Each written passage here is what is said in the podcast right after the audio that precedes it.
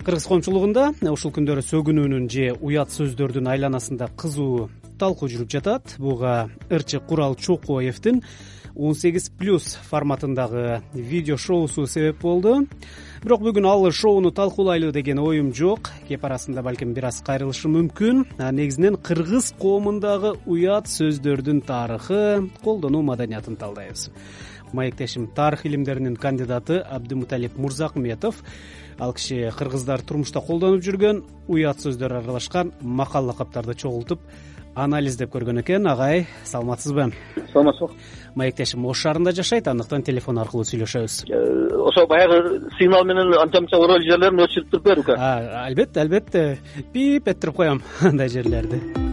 Ачык тайм подкаст. Ачык тайм подкасты ачык тайм подкастына куш келипсиз менин аты жөнүм санжар эралиев абдымуталип агай уят сөздөргө анализ жасап изилдөөгө алууга бир себеп болду беле сизде? Кантип кызыгып калдыңыз? Мен э, кыргыз филологиясын бүтүргөм да токсон үчүнчү жылы. Анан сабак мезгилинде жөн эле бир эксперимент кылып студенттерден. А биздин өзү кыргыз филологиясында негизинен баягы кыздар окуйт.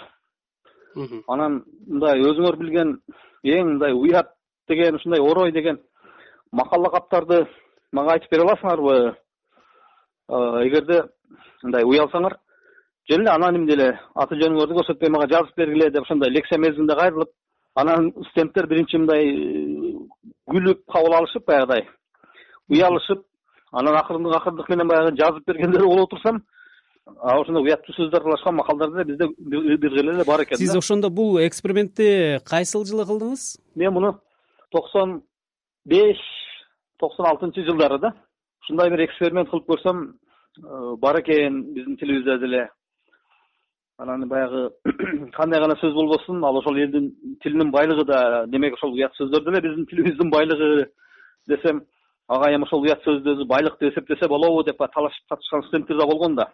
Студент болуп туруп анан эми эл жараткандан кийин мисалы демек ал байлык агай ошол э, эксперимент учурунда э, сөгүнүүлөр же болбосо кимдир бирөөгө уят сөз менен кайрылуу эмне себептен жаралат же айтылат деген бир суроо пайда болдубу сизде? Талкуулап көрдүңүзбү муну студенттер менен? Кээде ушундай бир учурлар болуп калат. Дал ошол сөздү ошол уят деп аткан сөздү айтмайынча бир баягы кычуун канбай калган учур болуп калат да.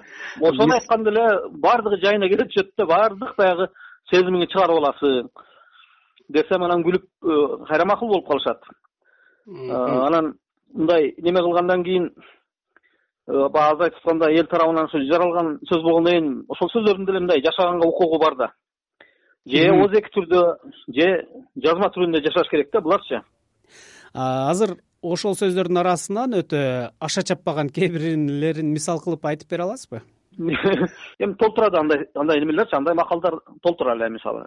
Эми мына мен азыр эң жөнөкөй эле бирөөсүн айтайын. Э, бул юдахиндин сөздүгүндө деле жүрөт. Көзүм көрбөсө көржесин деген макал бар да. Анан бул мындай эч бир неме кылбаган бир ишке мындай көңүл койбостон кайдыгерлик менен мамиле кылган учурда ошондой адамга карата айтылып калат бул өзү. Эми бул э, элге таанымал эле макалдар эл менен күлөт муну укса депчи мисалы ошондой. Ал эми биздин тилибизде айтылып эле жүргөн сөз. Же болбосо мындай дейт. «Э, ажырашаар дос э, эр кашын сурайт деп коет да. Өзү деги эле могул юдахиндин сөздүгүн карап отурсаң мен азыр мындай текшерген жокмун бирок жаңылбасам бир бет толо эле сөз болуш керек өзү. Неме уктум эле э, мен муну тиги өзүмдүн кайненемдин оозунан э, угуп калгам. Ошондой неме ал кайненем байкабай оозунан чыгып кеткен да. Берген нары жат тамак берген бери жат деген макал уккансыңбы жок уккан эмесмин ушундай макалдар көп. Мен аларды айттым ошол ошолдарды жыйнап азыр менин архивимде бир кагаздардын түбүндө жатса керек. Канча макал лакап чогулттуңуз ошондой? Болжол менен ошол жерде бир элүүдөй макал жыйнадым эле да. Элүүдөй макал бар болчу ушундай айтууга неме кылбаган уят немелердичи. Сиз аларды изилдеп э, илимий эмгек кылайын дедиңизби же жөн гана кызыгуу болдубу бул? Эми мен неме кылып атканым орустар э, мындай немелерди жыйнап ушундай уят сөздөрдү анан ал тургай сөздүгүн чыгарып койгон. Мен көрүп бир окугам бир колума тийип калыпчы словарь бранных слов ушундай деген болуш керек эле. Анан эме деп койгон да ошол жерде? Ругайтесь правильно депчи анан мындай сөздөрдү сөгүнгөн сөз деле туура эмес э, колдонуп уруша берет деп туруп тарыхы бар эле да. Биздеги деле сөздөрдүн ушундай тарыхын немесин изилдесе көп эле неме чыккыдай маани чыккыдай. Могул мен өзүм этнографмын санжар. Э, билимим боюнча мен филологмун эми кыргыз филологиясын бүтүргөм а бирок этнографиядан коркогом да. Эми любой эле кыргыздын оозундагы бар сөздөр бар эмес деп сөгө беребиз го сөгүп аткан сөздү ушул алгачкы жамаат коомундагы неме болгондор. Баягы полигамия болуп мындай бир аял менен бир канча эркек деле жашап аткан мезгилде баягы жеке үй бүлө болгонго чейин ошону эскертип эй мен сенин энең менен сенин апаң менен болдум сен менин балам болуп калышың мүмкүн деген мааниде ошентип айтып анан кийин ушул сөз анан э, кийин баягы аң сезмөсү анан уят катары кабыл алынып калган деп бир түшүндүрмөлөрүн окугам да. Мен ушундай нерселер бар болчу. Ачык тайм подкасты ачык тайм подкасты митали агай э, сөгүнгөн сөздөр э, уят сөздөр темасы акыркы күндөрү эки миң жыйырма биринчи жылдын январынын башында кыргызстанда көп талкууланып жаткан кези.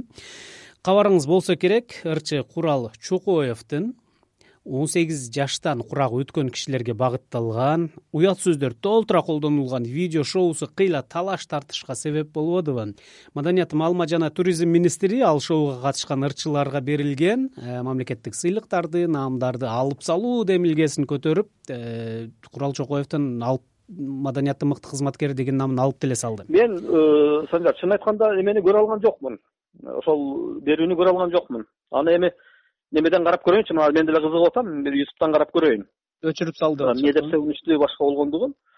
А бирок фейсбуктан элдер ызылдап эле э, тигилерди жазага тартыш керек дегенди окуп калдым. Анан мен бир чети өзүм таң калдым. Бул биздин эл аябай эле тарбиялуу маданияттуу болуп кетиптир го депчи. Эми мындай да мындай сөздөр жок болуш үчүн эмоция дагы жок болуш керек да качан адамда эмоция жок болгондо ошондо мындай сөздөр менимче чыкпай калса керек. Анан адамда ар түрдүү ушундай сезимдер болуп турган мезгилде мындай сөздүн жашашы мыйзам ченемдүү да. Анан он сегиз жаштан жогору деген менен эми аны кенедейинен бармактай балдарга чейин эле балдар эми негизинен баягы тилди көчөдөн үйрөнөт эмеспи. Мына менин эсимде бар. Э, балдарым ошо көчөгө чыгып ушундай уят сөздү үйдө айтканда баягы таң калып калгам да себеби биздин үйдө андай сөз өзү айтылбайт болчу. Э, анан булар каяктан калды эми баарын ошону көчөдөн үйрөнүп экен да. Кээ бир ата энелер бар эй кана э, айтып койчу ушинтип сөгүнүп койчу деп алып ошондон рахат алгандарды деле көрүп жүрөбүз го мындай баягы достордон тааныштардан дегенденчи э, ошон үчүн эми муну нормалдуу эле кабыл алыш керек болчу. Мен ал тургай ошол буларды жазалаш керек деп пикир жазып аткандардын ичинен сөгүнгөндөрдүкүн дагы окудум да. Андай болсо аларды деле жазалаш керек эми эме кылып алып эми өнөр адамдары эл көзүндө деген менен алар деле адам ушундай неме кылышты. Менимче сал убактысынан эртерээк эме кылып коюшту окшойт. Биздин эл мындай психологиялык жактан мындай нерсеге даяр эмес болчу да. Совет доорунан бери теледен э, баягыдай гана жымсалдап э, немелерди гана көрсөтүп келген болчу да. Орустардын түрдүү программаларынан көрүп атабыз. Э, американын фильмдеринен көрүп атабыз. Анда аларды да көрсөтпөй коюш керек. Баары бир үйрөнөт экен мына менин эң кичүү уулума айтып коеюн тиги америкалыктардын бир жести бар эмеспи тиги ортоң колду тиги соройтуп көрсөтүп койгон. Анан ошону кинодон көрүп отуруп анан мына немени үйрөтүп колдогу баягы манжалардын атын үйрөтүп аткан да. Бул эмне? Бул эмне деп анан бармак сөөмөй деп анан ортоңго келгенде анан англисче айтып атпайбы? деп атпайбы дегенде каткырып ошол нерсени. Мен досторума айтсам алар каткырышып дегендейчи ушул нерсеге. Мына каалайсыңбы каалабайсыңбы эми аны баягы кытайдын дубалы менен эле тосуп койсоң деле маданият деген ушундай бири бирине өтүп тура берет экен сөз деген бири бирине өтөт экен ушундай да. Ошон үчүн мен бул биздин ошол э, тиги ырчыларды мындай жаза менен э, эме кылганына ушундай жазага кириптир кылганына көп деле мен ыраазы болгон жокмун. Эми алар ошол алган сыйлыкты ошол ырлары үчүн ошол кылган кызматы үчүн алган да. Анан ошонун баарын эле жок кылып туруп эле бир сөгүнүп койсо эле ошонун баарын алып коюу менимче туура болбосо керек. Андай нерсени. Баягы мурунку адамдын эмгеги деле эске алыныш керек да. Анан эми экинчи бир нерсе мындай канчалык деңгээлде эме болду айталык коомго зыяны тийди булардын ошол э, берүүсүнүн деген суроо туулат бирок ошол сөгүнгөн сөздөй эле угуп атам мен деле эми. Андан ал көчөдөн кадам сайын угуп жүрөбүз ага эмнеси бар экен эми. Агер андай боло турган болсо мисалы эменин айтматовду дагы могу деңиз бойлоп жоткан ала дөбөтүндө болуш керек. Ошондо аябай сөгүнгөн учурлары бар болчу. Ак кемедеги эми орозкулду ушул кишини кантип сөгүнбөгөн киши деп айта аласың да? Неме бар? Мен мен окуган китептердин ичинен көчкөн сактановдун бир чөөлөрдүн заманы деген бир романын окугам. Ушул мына эгемендүүлүк жылдарында жазылган. Ой мен андай булганыч сөз болгон э, немени романды ага чейин мен окуган эмесмин китепти. Абдан неме болгон? Анан мелис макенбаев деген жазуучу болгон. Өзү баягы түрмөдө отуруп неме кылган анан ошол менимче могул түрмөдө отурган камалган баягы зектердин турмушун э, ал кишиде эч ким ачып бере албаса керек. Анан эми ошолор кантип анан маданияттуу сүйлөп калсын ошол жердеги каармандарчы мен болгону анын бир эки эле романын окугам мен деле. Баягы пресс хата дагы бир неме деген. Э, эми айтам го. Бул бул биздин турмуштун мындай ажыратып алгыс эле бир бөлүгү мындай нерселерчи бирок э, бул жерде менталитет маселеси турат агай ушундан улам бир суроо. Адеп менен эркиндиктин чеги барбы? Болсо ал кандай аныкталат? Эми э, бул э, бул нерсе коомдун мындай тиги немесинен билим берүүсүнөн тарбиясынан көз каранды нерселер да. Мисалы же ошол элдин бир жашоосу илгертен идеалдуу болуш керек. Мен илгери вокруг света деген журнал чыкчу эле. Ошол журналдан окуп калып эми ал жерде мындай чакан эле заметка. Мен аны кийин бир өзүмдүн макаламда пайдалангам. Мисалы эскимостордо э, бир дагы бир сөгүнгөн сөз жок экен да. Ошентип алып туруп. Эми ал саны бир он он эки миң эле эл да эскимосторчу ошентип алып туруп. Анан ошону айтып мен тил жөнүндө жазган макаламда пайдаланган элем да. Э, баягы тилдин улуулугу Э, ал ошол тилде сүйлөп аткан элдин саны менен өлчөнбөйт депчи. Ушул эскимостордо ушул бир дагы бир сөгүнгөн сөз жок экен. Бирок кардын түрдүү абалы мындай түсүн билдирген бир сексенден ашуун сөз бар экен. Анан ушул эл ушул тилди кантип анан мындай майда тил деп айтыш керек деп ушундай пайдаланган болчумун да.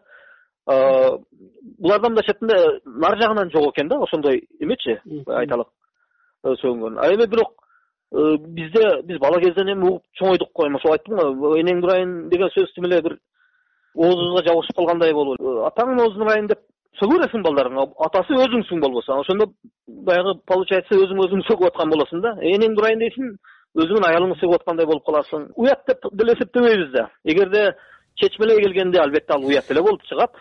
Кыргыздар колдонгон сөгүнүү сөздөрүнө э, гендердик анализ жасап көргөнсүзбү? Аялды басмырлаган маанидеги сөздөр көптөй сезилет мага. Биз каалайбыз каалабайбызбы тарыхчылар айтмакчы. Патриархат деп ошо аталык доор болгондон кийин ошол ошол доорду башталгандан тартып эмени чыгарып алмай аялдан чыгарып алмайдан болуш керек да. Бизди угуп отургандарга ушул жерде эскерте кетейин. Э, маекте э, сөгүнүүгө чакырык жасайлы деген максатыбыз жок бирок бул тема деле талкууланууга тийиш болгондуктан адисти кепке тартып отурам. Ар бир сөздүн өзүнүн көтөргөн жүгү болот. Жыйынтыктоо иретинде мен эмеге карата мамилеми айттым. Тиги биздин артисттерге карата болгон чарага мен аны макул көрбөйм да мен каршымын ошол нерсеге. Буга мезгил керек акырындык менен баягы элди тарбиялаш керек дегендей. Эл деңгээли өсүп неме кылганда өзүнөн өзү мындай нерселер жоголот да. Бир кайсы бир гезиттен окуп калганбыз япондордон мектептерден неме калыптыр да анкета жүргүзгөн окуучуларданчы анонимный. Сен билген эң уят сөз кайсы ошону жазып бергиле деп неме кылып алып көп неменен катышкандардын да саны көп болчу да окуучулардан. Ошондогу эң уят сөз эме болуп чыккан да сенин апаңдын киндиги чоң деген сөз болуп чыккан мынакей а биз үчүн бул э, эч кандай деле бир уят мааниси жок катары эле кабыл алабыз да. Мындай немени анан эми ошентип баягы заман өзгөрүп дегендей элибиз көбүрөөк окуп айттым го мына айтматовду окубастан сактановду окубастан айталык э, жана башка ошондой сөгүнгөн сөздөрдү пайдаланган жазуучуларды неме кылбастан? Телевидение деген эми аны китеп окуган адам деле эмени көрөт экен да? Э, телевидениени көрөт экен. Ошон үчүн булардын элдин көзүнө чалдыгып калды да буларчы.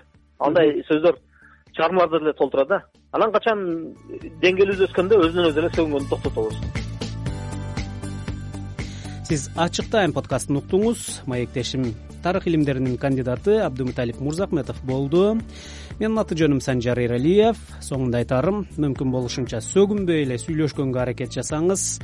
Муну буйрук же кеңеш деп эмес жөн гана сунуш катары кабыл алууңузду суранам аман болуңуз